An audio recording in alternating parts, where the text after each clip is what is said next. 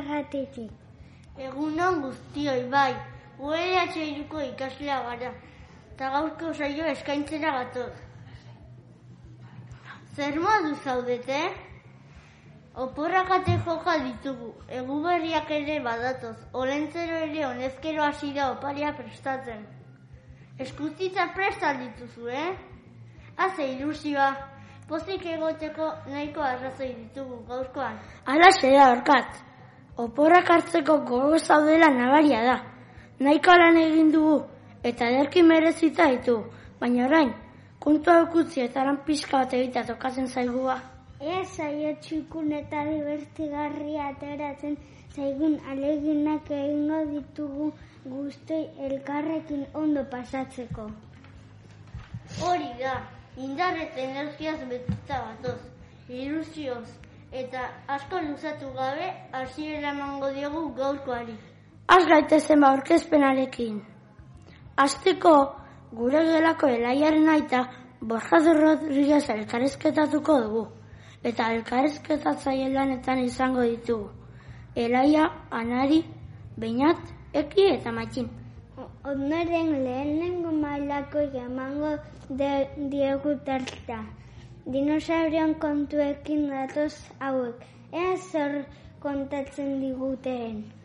Jarraian, aiara unas eta janitzek diskoen eskaintzari tastea eskainiko diote. Guztion artean aukeratu ditugu bi abesti eskainiz. Diskoen eskaintzaekin amaitu ondoren, antzinak Egiptora egingo dugu salto. Gai honen inguruan ikasten aritu garen ez, interesgarriak iruditu zaizkigun gauzatxo batzuk kontatuko dizkizugu. Horren ostean lehiaketari eskainiko diogu tartea.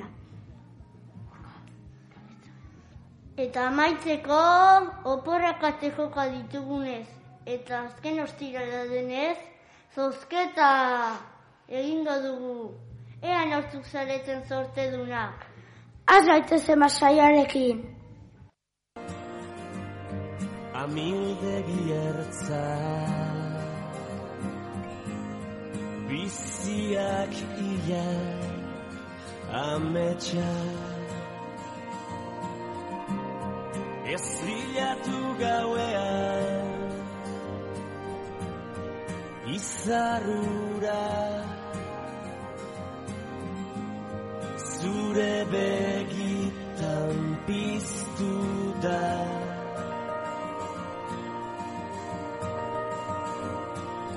Taz galdetu inoiz zer galdu genuen Negar egin genuenean.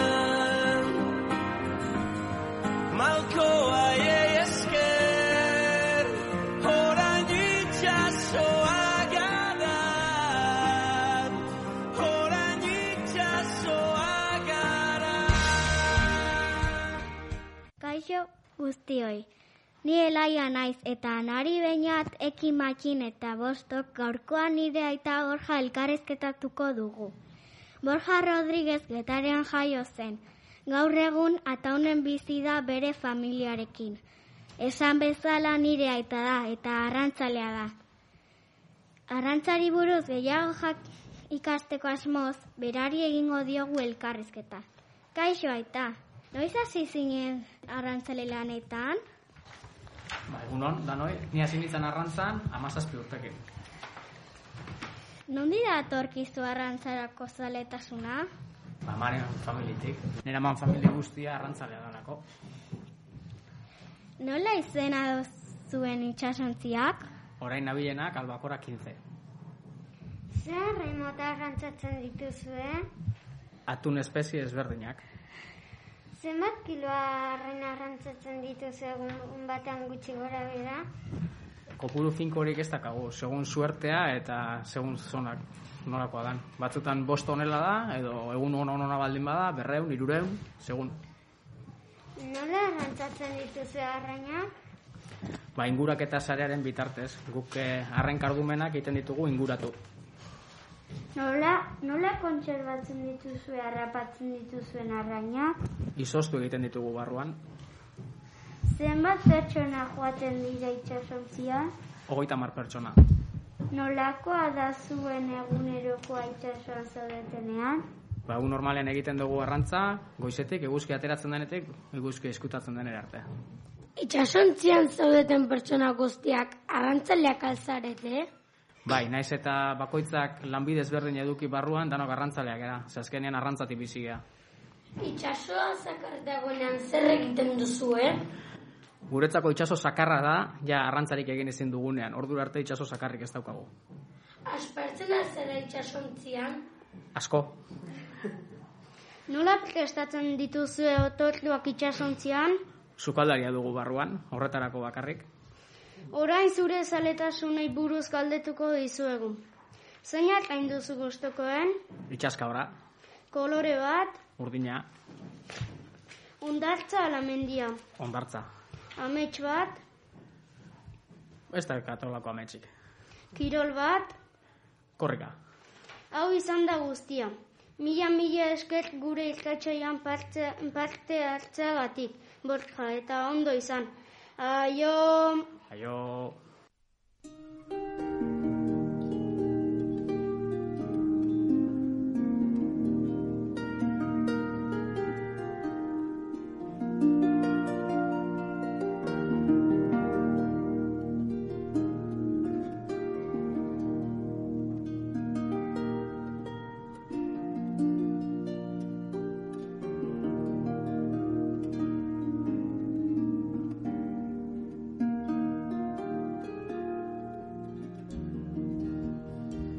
Aio... Zazpimendeko gauean gaude Gure loretan sasi Interesgarriak borja kontatu izkigun kontuak eta orain lehenengo mailakoei emango diegu txanda. Dinosauruen gaiarekin datoz hauek. Entzun ditzagun adi adi. Fosilak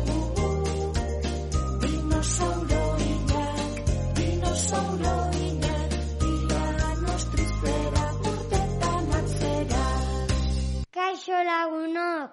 Pospozi gatoz gure lehengo aurtengo lehen irratxaiora.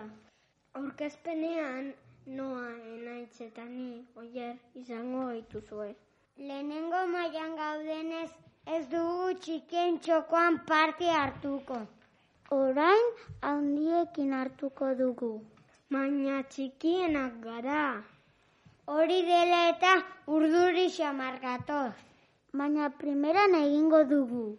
Ea prestatu duguna gustokoa duzuen.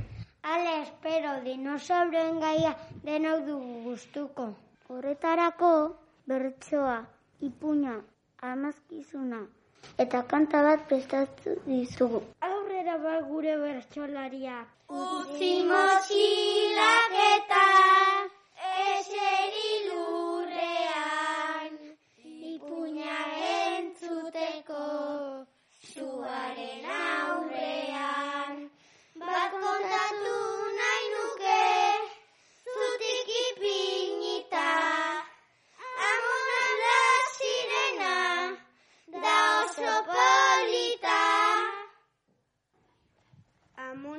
Blasi eta Erenzue kumea.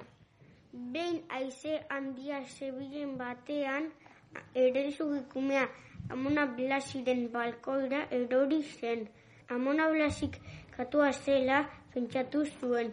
Amona Blasik baretzuri soparekin hasi zuen eta pitxi deitu zion. Hau katu arraroa, esaten zuen beti. Amona Blasi etzen konturatzen animalia hura ere zugekumea zela.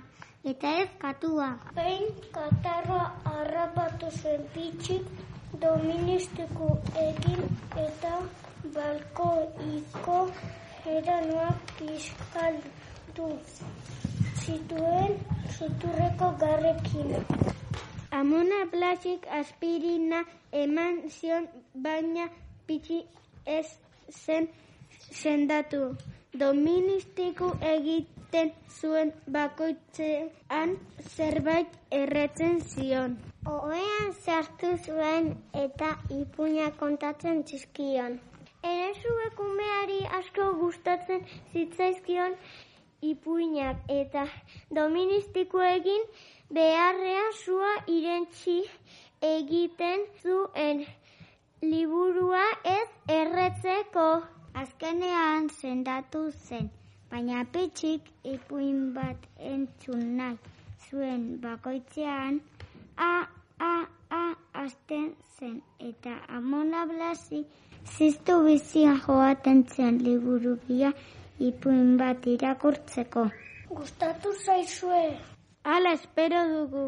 Amona Blasi okulistaren gana joan beharrean dago. Ja, ja, ja, ja, ja. Hemen gaituze, eki, aiur, ni, kai. Asmakizunekin gatoz. Aber asmatzen duzuen. Bi solairuko etxe batek adinako altura zuen. Arabi jale beldurgarria zen eta labanak bezain zorrotzak ziren haren hortzak. Zein zen? Rex. Hiru autobusen luzeera zuen burutik isatzera. Belar jalea zen eta bustana eta lepoa oso luzeak zituen. Dinosauro handienetako bat zen. Zein zen? Diplodocus. Eta nik azkena. Bi auto adina zen luzean eta hiru adar zorro zituen buruan. Borrokan egiteko jalea zen eta gorputz osoa larru gogorrez babesturi zuen. Zein zen? Triceratops.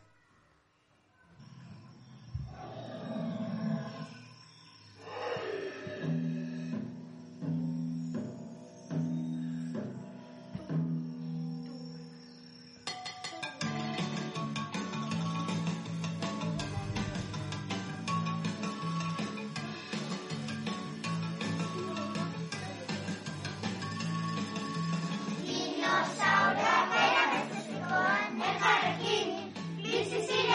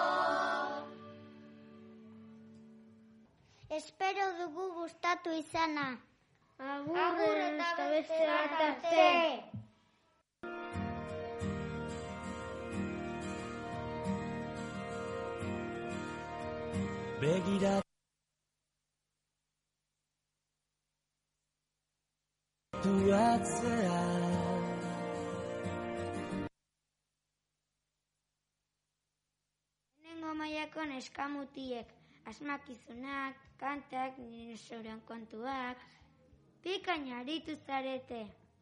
Orain, disken eskaintzekin jarraituko dugu saioa. Ea gustatzen zaizkizuen gaurko eskaintzak egiteko aukeratu ditugun abestiak.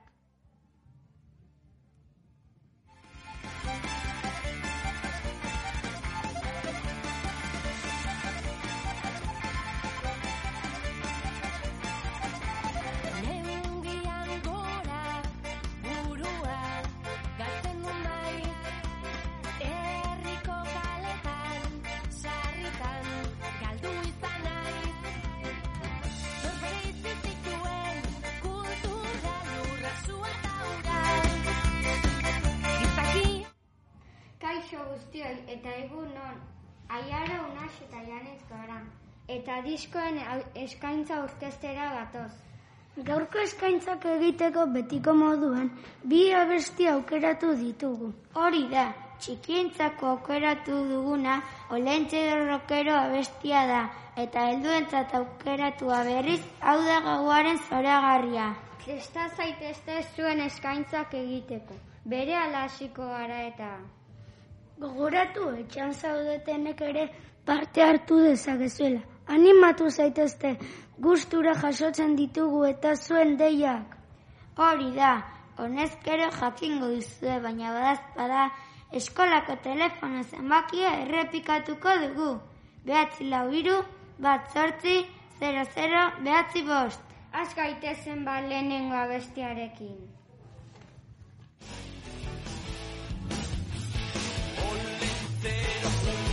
está.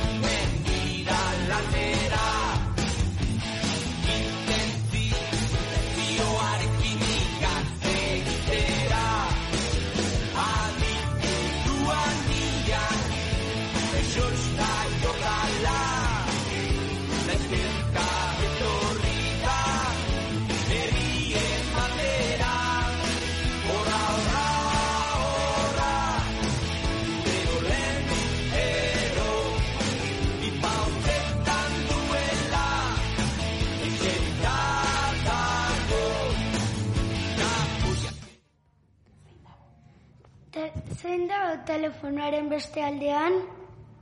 Ni LH biko manez nahi, eta gure gelan parte besteini nahi jo. Alaizei bihar bere urte dielako. Ba, espero dut bere egune ondo pasatzea. Eta gure partetik ere zorionak, aio. Ni LH biko oinaz naiz, eta eskini nahi Nire mamai eskue puskauta uketlako eta abertz zendatzean.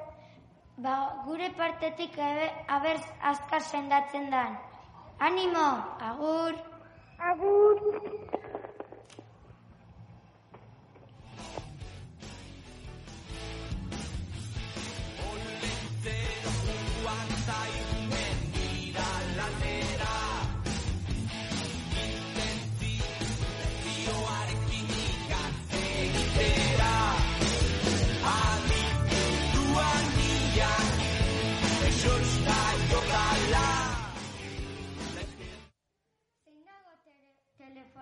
Bestaldean?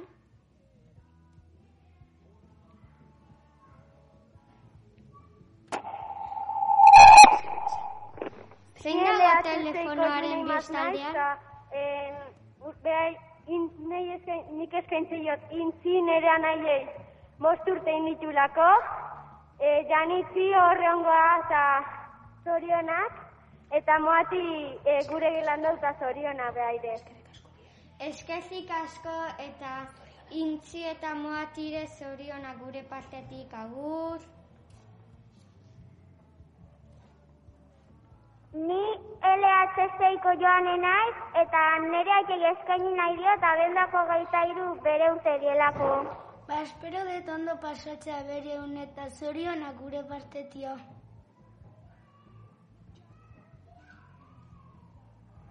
Ni LH bateko magi naiz, eskaini nahi dion ere aizpai, azkar azkar zanatzeko. Ba, gure partetik aber azkar sendatzen den. Ni LH bateko intza naiz eta esken ni nahi diot olentzero txintxo txintxoa dalako eta berropari asko ekartzen ditun. Ba, ea, hola seitzion, Eta zoriona gai noi. et, ea, hola seit... O, ea, hola seit... LH bateko adein naiz eta nahi diot eskaini inazioi hilindalako. Animo! Agur. Agur.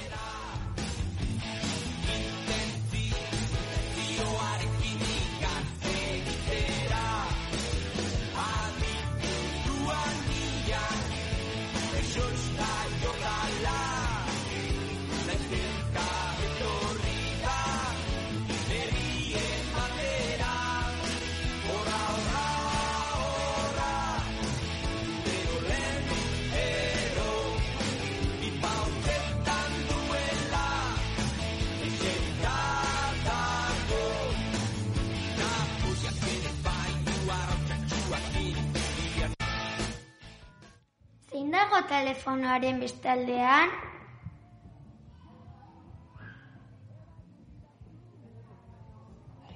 Gari naiz.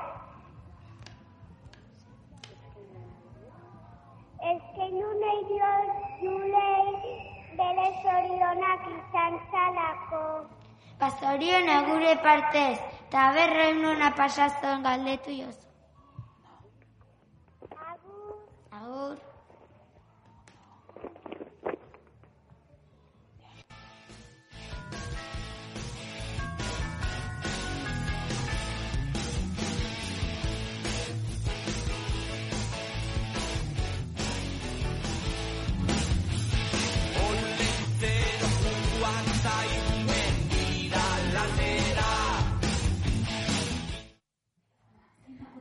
Dago telefonoaren bestaldean? Apa, eibar naiz, eh, amer bier eta neian eh, ama, eta eskaini nahi dizu, eta irratsaioa oso ondo egiten nahi zaterako, lar bikainek jezuelako, eta aurten eh, kurtso bukaeran eh, urtebetetze asko dauzkezuek, bizkotxe ikazkezuei eukiko, baino ospa bat danok alkarrekin jolasten. Eskerrik asko idez, agur. Agur.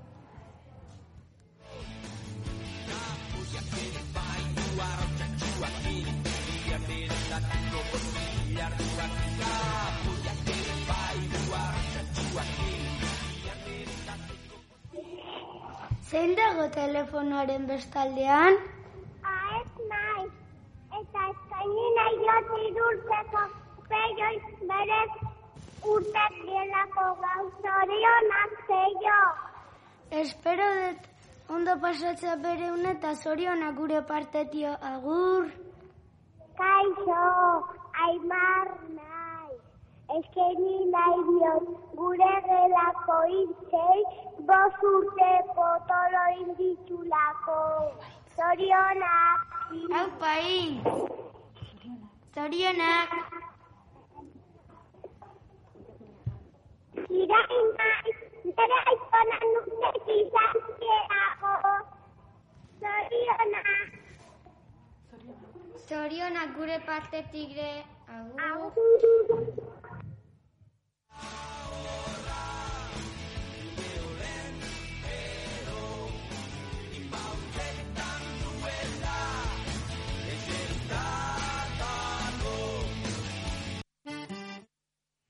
Gustatu altzaizue abestia? Guri asko gustatu zaizkigu zuen eskaintza. Eta orain, heldu emango diegu txanda. Hemen duzue bigarren abestia. Hau da gauaren zoragarria. Kalean aizeotza, mendian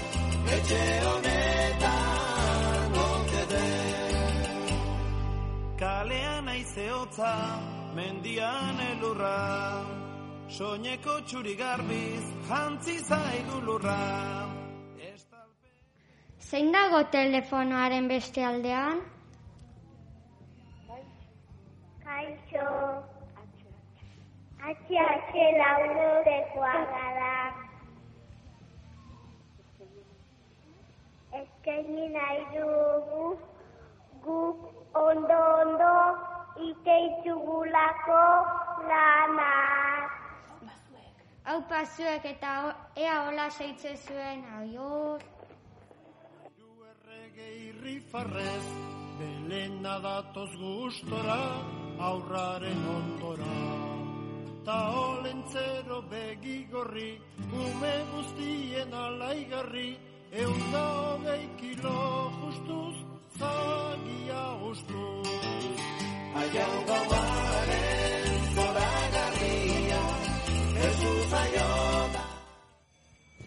Zein dago telefonoaren bestaldean?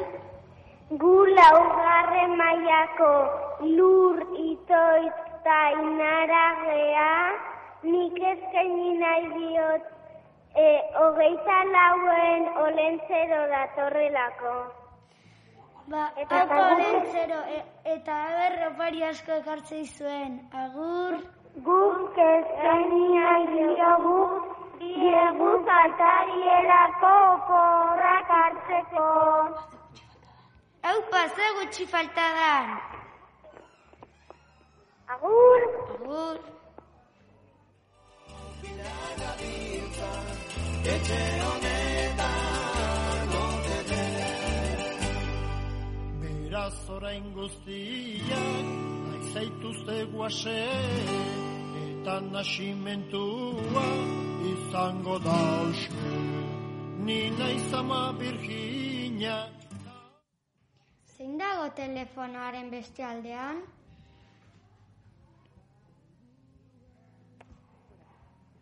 Kaixo, ni naia naiz, LH bost beko ikaslea, eta gaur nahi diote nire amonai irurogeita laburte itxetxulako.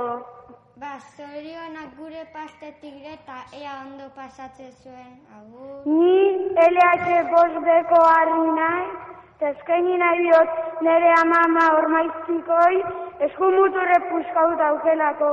Animo! Animo gure partez batez baita. Agur.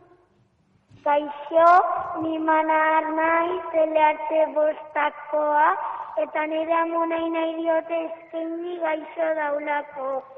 Animo, aberrazka sendatzen den. Kaixo, ni LH bostako egoin nahi, eta nahi diote eskaini oinatzei, e, abenduak amalauen urtekin zitulako, Lazkauko lamatei, amabosten urtekin zitulako, eta eneko naite inazioi hilinalako. Ba, zo- zorionak eta animo. Agur. Agur! Zeotza, mendian elurra, soineko txuri garbiz, jantzi zaigu lurra. Estalpe pelean, beia eta astoa, eta bien erdian, aurre derraskoa. Zein dago telefonoaren beste aldean? Biko ba nahi, eta eskaini nahi diot nire arrebai, e, abenduak hogeita behatzi, bere urte betetzeak dielako. Ba, espero dut e, baita zure arrebak ondo pasatzea bere une. Agur. Ni LH bibeko aizea naiz, eta eskaini nahi diot, eluzkai Santo Tomaseunen bere urte betetzea dalako. Ba, zorionak. Aberreun ona pasatzeon. Agur! Agur.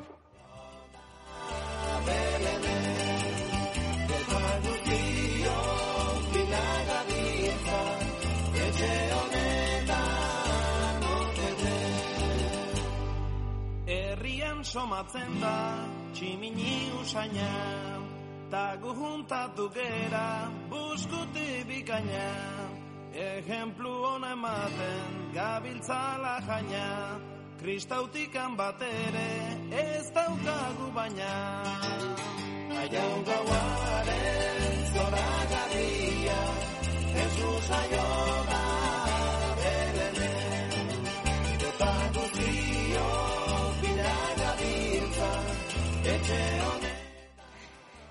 Gustatu altzaizkizu abestiak, alaiak eta martxosoak baziren behintzat, dantzarako gogoa eta guzti jaziliaten hiri. Hauxe izan da gaurko disken eskaintza, eta agurtzeko unea iritsi zaigu guri, mila esker animatu zareten guztioi.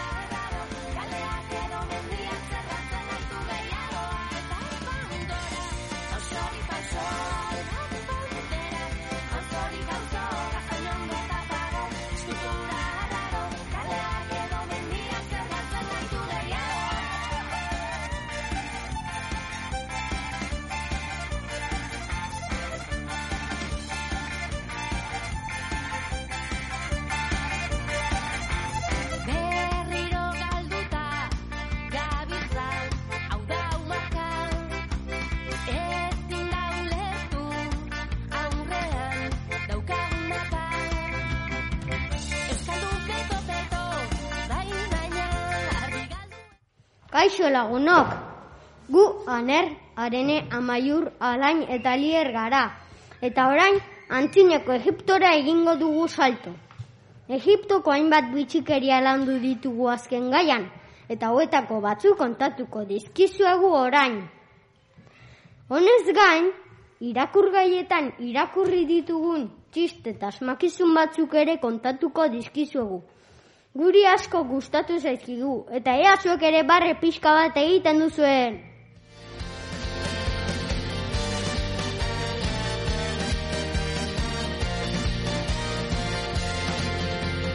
Aurrera eta atzera ikusi pausu berdinak Errepide zuzen honetan Marraztutako bidetik isiltasuna Aizearen norabidean Puntu bati begira Munduko iberik luzena Egipton kokatzen da. Nilo ibaia hain zuzen ere. Nilo ibaia opari ederra zen Egiptoarrentzat. Ekainetik urrira, uolde garaie izaten zen Egipton. Mendietako elurra urtu eta euri jasak hasten zirenean, Nilo ibaiaren ondoko lurrak urez estaltzen ziren eta urrorren ondorioz lupetza sortzen zen lur eta soroetan. Lupetza nekazaritzarako ongarri naturala zen eta horren ondorioz izugarrizko usta izaten zuten Egiptoarrak. Garia, sesamoa, lekaleak, barazkiak, azkar eta ugari azten ziren. Goldeak onuragarriak izango zirenik ez ez pentsatuko liez. Hemen, ibaiak ateratzen direnean, txikizio ugari egiten dizkigute. Horrela gelditu zen, behin, bertan bera ibialde mitologikoa taunin. Banik, faraoien eriotzaren inguruan hitz egingo izuet. Faraoiak Egiptoko agintaria ziren. Egiptarrek hil ondorengo bizitzan sinesten zuten. Eta ondorioz, faraoien eta pertsona ospetsuen gorpuak momifikatu egiten zituzten heltzen zirenean. Organo guztiak atera, burmuina sudurretik atera, eta gatz moduko atez estaltzen zuten gorpua. Ondoren, mendatxuri baten estali eta momia bihur. Hau dena egin ondoren sarkofagoetan sartzen zuten gorpua. Eta baita hildakoaren hainbat objektu ere, bitxiak, jakiak, animaliak. Lan ederrak hartzen zituzten orduan. Eta badakize faraoien gorpuak non gordatzen zituzten? Piramidetan. Munduko piramideri garrantzitsuenak Egipton aurkitzen dira. Piramideak faraoien gorpuak gortetzeko egiten zituzten eraikinak dira. Lapurren beldur izaten zirenez, barrutik laberinto modukoak izaten ziren, eta hainbat trampa jartzen zituzten lapurrak faraoien gorpuak ez lapurtzeko. Faraoien hilobiak zaintzeko esfingea ere sortu zuten Egiptoarrek. Esfingea gizakiaren buru eta lehoiaren gorputza duen estatua da. Izugarri handia da, hogeita bi metroko altuera du eta irurogei metroko luzera. Pieza bakar batez egina dago, harri handi bati forma emanez lortu zuten esfinja egitea. Artistak eta ziren Egiptoarrak. Eta horrela, beste hainbat eta hainbat bitxikeri aurkitu ditugu antzinako Egipton. Baina guztiak ezin ditugunez kontatu, txiste eta asmakizunekin hasiko gara.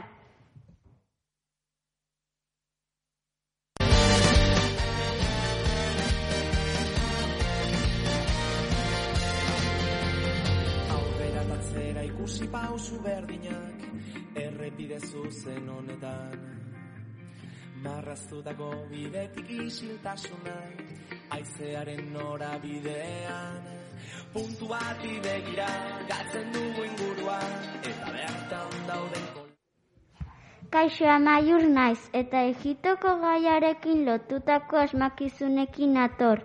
E asmatzen dituzuen. Asmakillo, asmakillo. Zu esna eta nilo. Asmatzen ez duena astakillo. Zer da?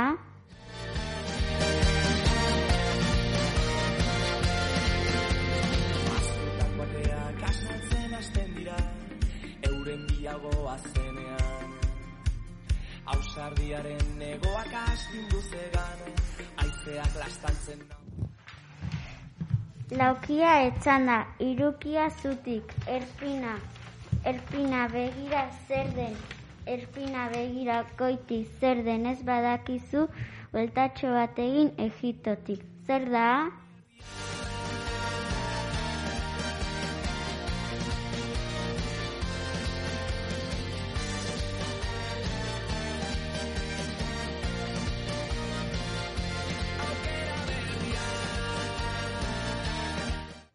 Asmakizunen erantzunak Nilo eta piramidea ziren. Zorionak asmatu duzuen hoi. Eta orain txisten txanda. Alain naiz, ea gustatzen zaizkizuen. Ikasle batek esan zion eskribari. Eskriba, zaplastekorik emango altzenioke ezer egin ez duen ume bati? Ez noski. Uf, horrela lasaiago esango dizut. Ez ditudala lanak egin.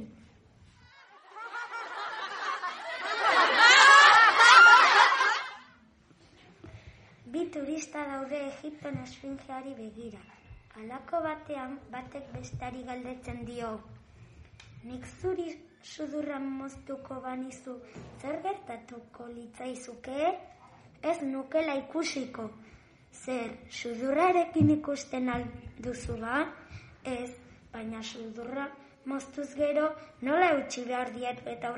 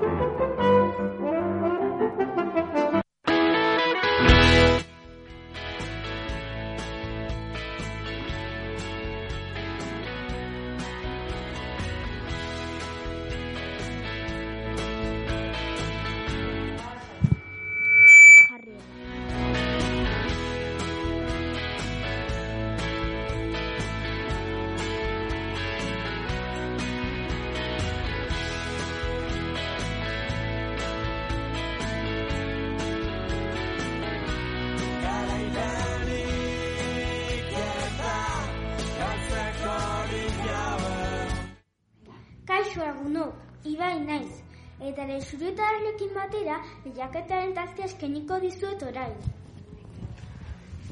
An, gure lagunen kontuak adi entzungo zenituzten ez da, animatu zaitezte parte hartzera. Hori da, az gaitezen gaurko lehiaketarekin. Lehenengo galdera gurasoentzat izango da, eta eskolako telefono zenbakia errepikatuko dugu beliz ere. Behatzi lau, iru, bat, zortzi, 00, behatzi bost. Hemen txo gurasoentzako galdera. Noiz hasi zen Borja arrantzale laneetan? Berriro errepikatuko dut. Noiz hasi zen Borja arrantzale laneetan? Zuziri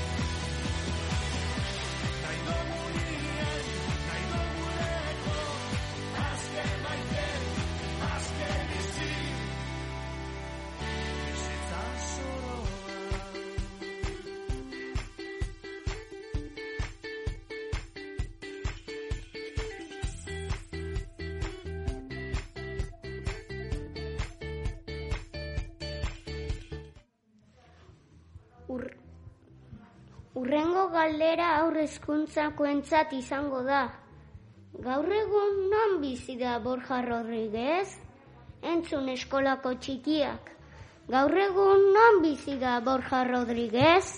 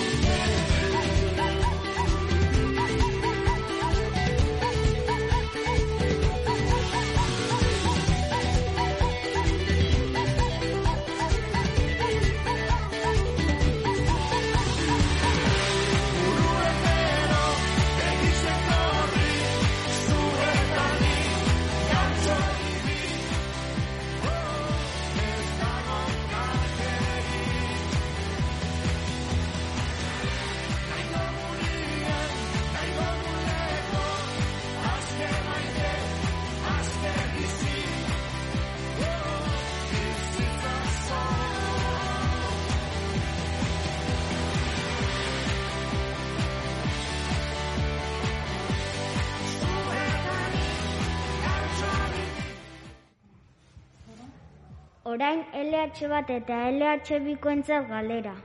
Borjak lan egiten duen itxasontzian zenbat pertsonan joaten dira? Entzun ongi, Borjak lan egiten duen itxasontzian zenbat pertsonan joaten dira?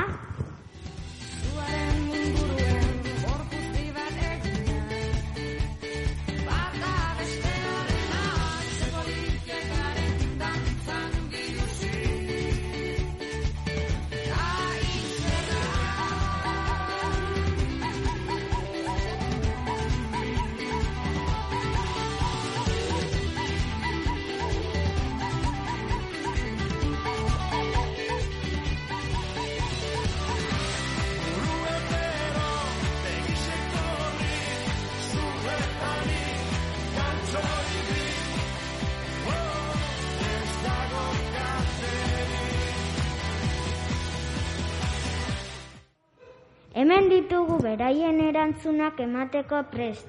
Ea ba, Borjak lan egiten duen itxasontzian zenbat pertsona joaten dira? Hogeita mar! Oso ondo, erantzuna zuzena da eta gordeta geratuko da.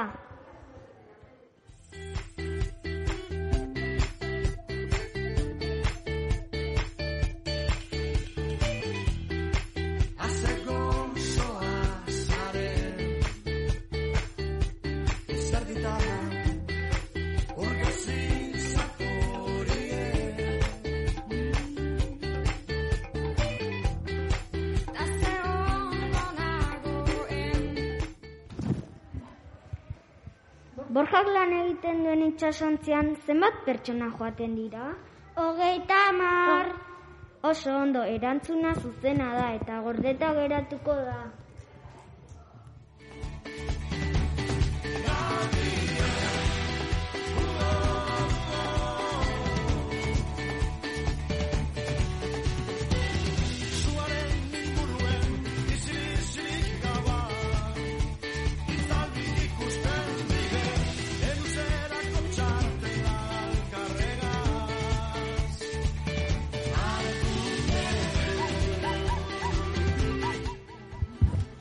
Itxasontzian zenbat pertsona joaten dira? Bigarren mailako gara. Eta erantzuna hogeita hamar. Oso ondo, erantzuna zuzena da eta gordeta geratuko da.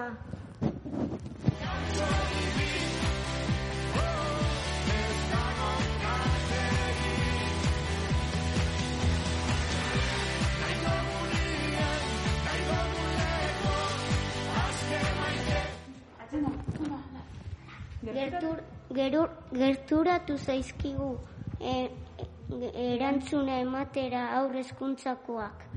Non bizi da Borja Rodriguez? Bost urtekoa. Ataunen. Os, oso ondo asmatu duzue, zuen erantzuna gordeta geratuko da.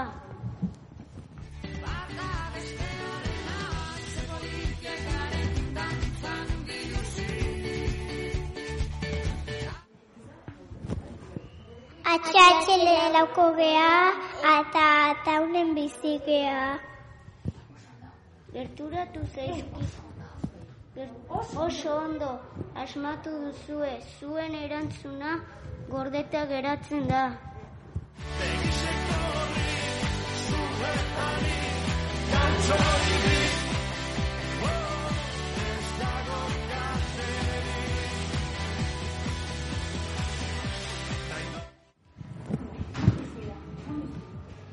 Non bizi da? Ataunen. Oso ondo asmatu duzue, zuen erantzuna gordeta geratuko da.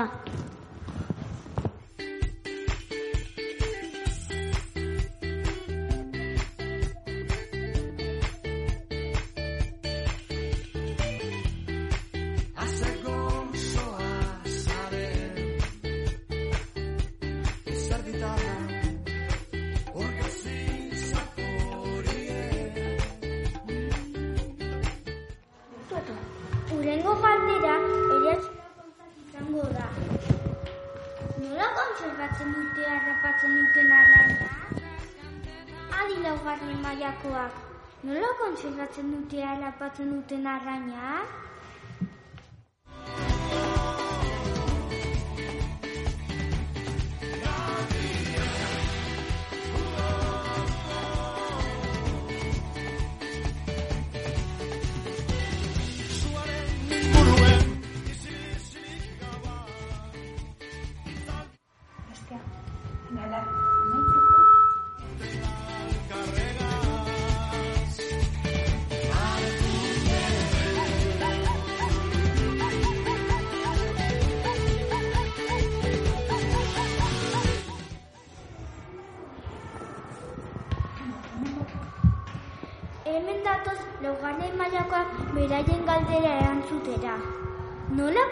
Kontserbatzen dute harrapatzen duten arraina?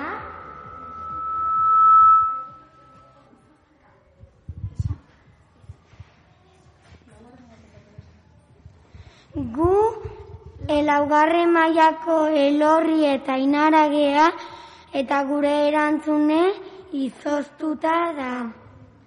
Asmatu duzue, erantzuna zuzena denez gordeta geratzen da.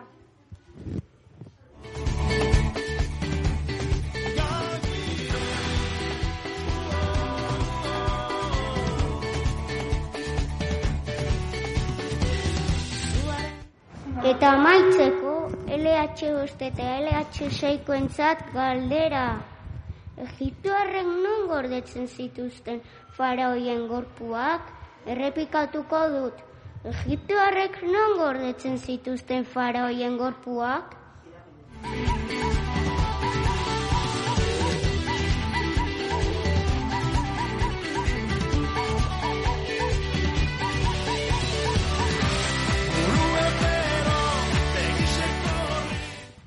Badatoz hirugarren zikloakoak ere. Egiptoarrek non gordetzen zituzten faraoien gorpuak? Piramidetan. Adi egon zareten seinale erantzuna zuzena da.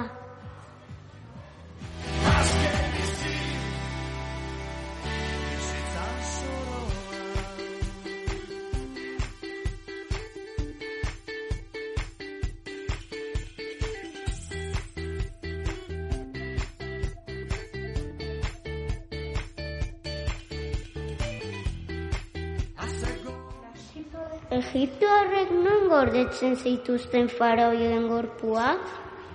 Gu bosgarren mailakok gea eta gure erantzune piramidetan da. Adi egon zareten seinale erantzuna zuzena da.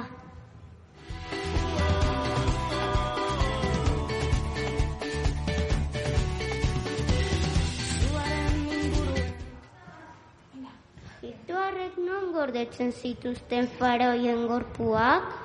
Bueno, ni seigarren jakoa naiz eta piramide barruko sarkofagoetan gordetzen zituzten. Oso ondo.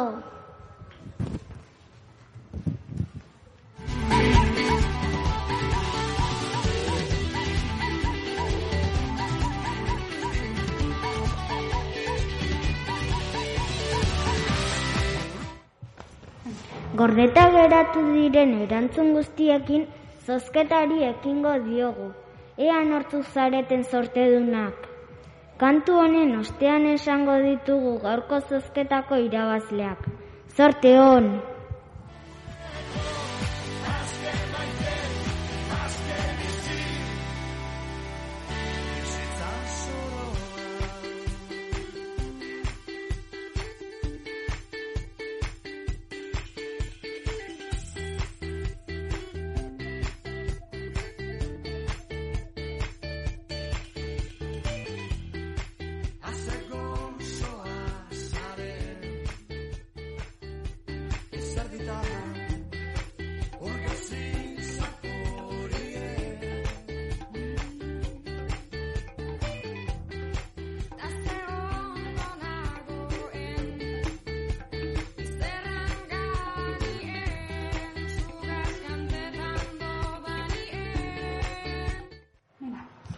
Honezkero erantzuna jakin nahiak egongo zarete ez da? Ba gaurko zozketaren irabazleak HH2koak eta Maider Irastorza izan dira. Zorionak zuei!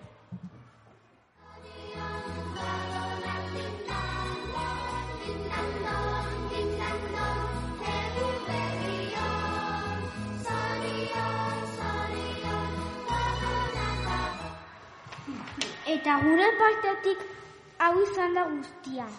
Gustatu ez zaizue gure saioa, ondo pasaste buru eta polak beltan ditugunez disfrutatu ditzazue alden gehien. Ea horren zer ongi portatzen zaizuen, berari abestuz emango diogu saioari amaiera. Muso handi bana guztioi eta ondo izan, aio! Zaila, zaila, zaila.